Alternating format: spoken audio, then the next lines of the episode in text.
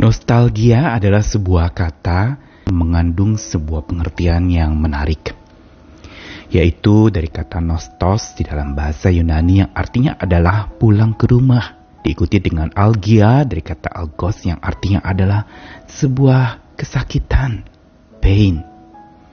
Kenapa nostalgia ini berkaitan dengan kesakitan dan pulang ke rumah?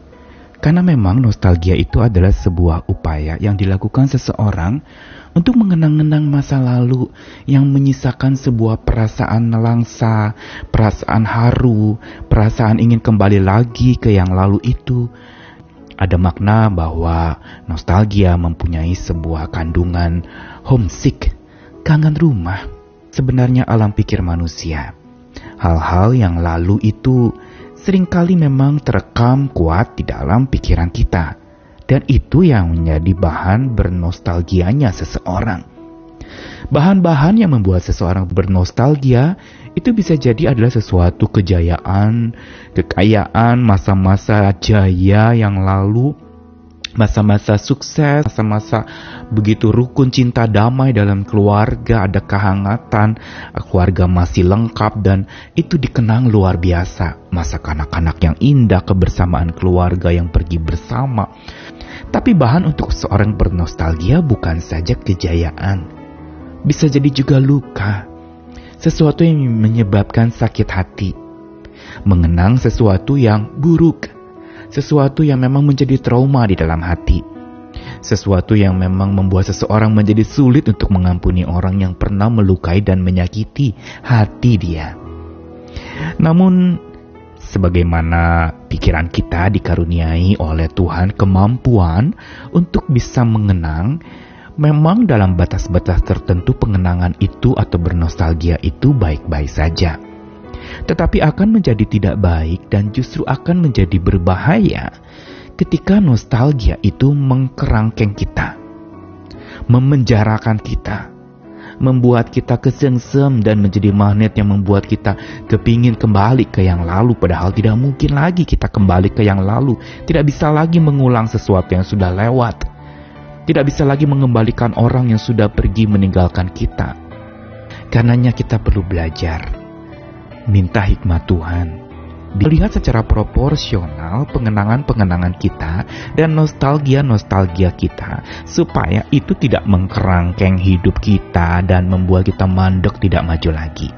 Nah, saya Nikolas Kurniawan kembali menemani di dalam Sabda Tuhan hari ini dari dua bagian. Yang pertama 2 Korintus pasal 5 ayat 17 jadi siapa yang ada dalam Kristus ia adalah ciptaan baru yang lama sudah berlalu sesungguhnya yang baru sudah datang. Lalu Filipi pasal 3 ayat 7 dan 12 sampai 14. Tetapi apa yang dahulu merupakan keuntungan bagiku sekarang kuanggap rugi karena Kristus. Bukan seolah-olah aku telah memperoleh hal ini atau telah sempurna, melainkan aku mengejarnya kalau-kalau aku dapat juga menangkapnya, karena aku pun telah ditangkap oleh Kristus Yesus. Saudara-saudara, aku sendiri tidak menganggap bahwa aku telah menangkapnya, tetapi ini yang kulakukan.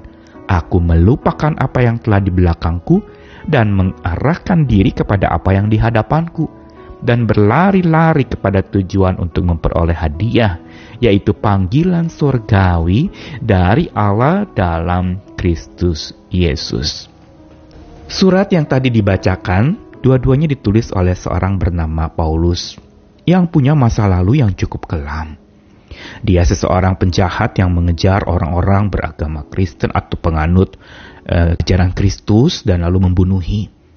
Dia seorang yang sangat kuat dalam keagamaannya tetapi berbuat jahat dengan keagamaannya itu memberantas orang-orang yang beragama lain atau yang dianggap kafir olehnya. Namun Tuhan mengubahnya dan menangkap dia menjadi pribadi yang baru. Dan dalam proses untuk supaya dia bisa maju ke depan, dia perlu menanggalkan yang di belakang. Masa lalunya yang kelam yang sering kali dituduhkan kepadanya sebagai penjahat keagamaan, itu harus dia tanggalkan dan ini memang bukan perkara yang mudah. Begitu pula kebanggaan-kebanggaannya sebagai seorang Yahudi tulen yang punya kemampuan keagamaan yang hebat, itu juga dia harus berani tanggalkan supaya dia bisa maju ke depan, melangkah lagi, dan berjumpa dengan masa depannya yang gilang gemilang dan penuh harapan. Karena itu dalam 2 Korintus pasal 5 itu dia mengatakan satu statement yang kita sudah tahu, siapa yang ada dalam Kristus ia ciptaan baru yang lama sudah berlalu sesungguhnya yang baru sudah datang. Ini bukan semata bicara tentang status atau identitas seseorang yang sudah hidup di dalam Tuhan yang disebut sebagai ciptaan baru. Tapi ada satu komitmen baru bahwa dia tidak hidup lagi dari masa lalunya.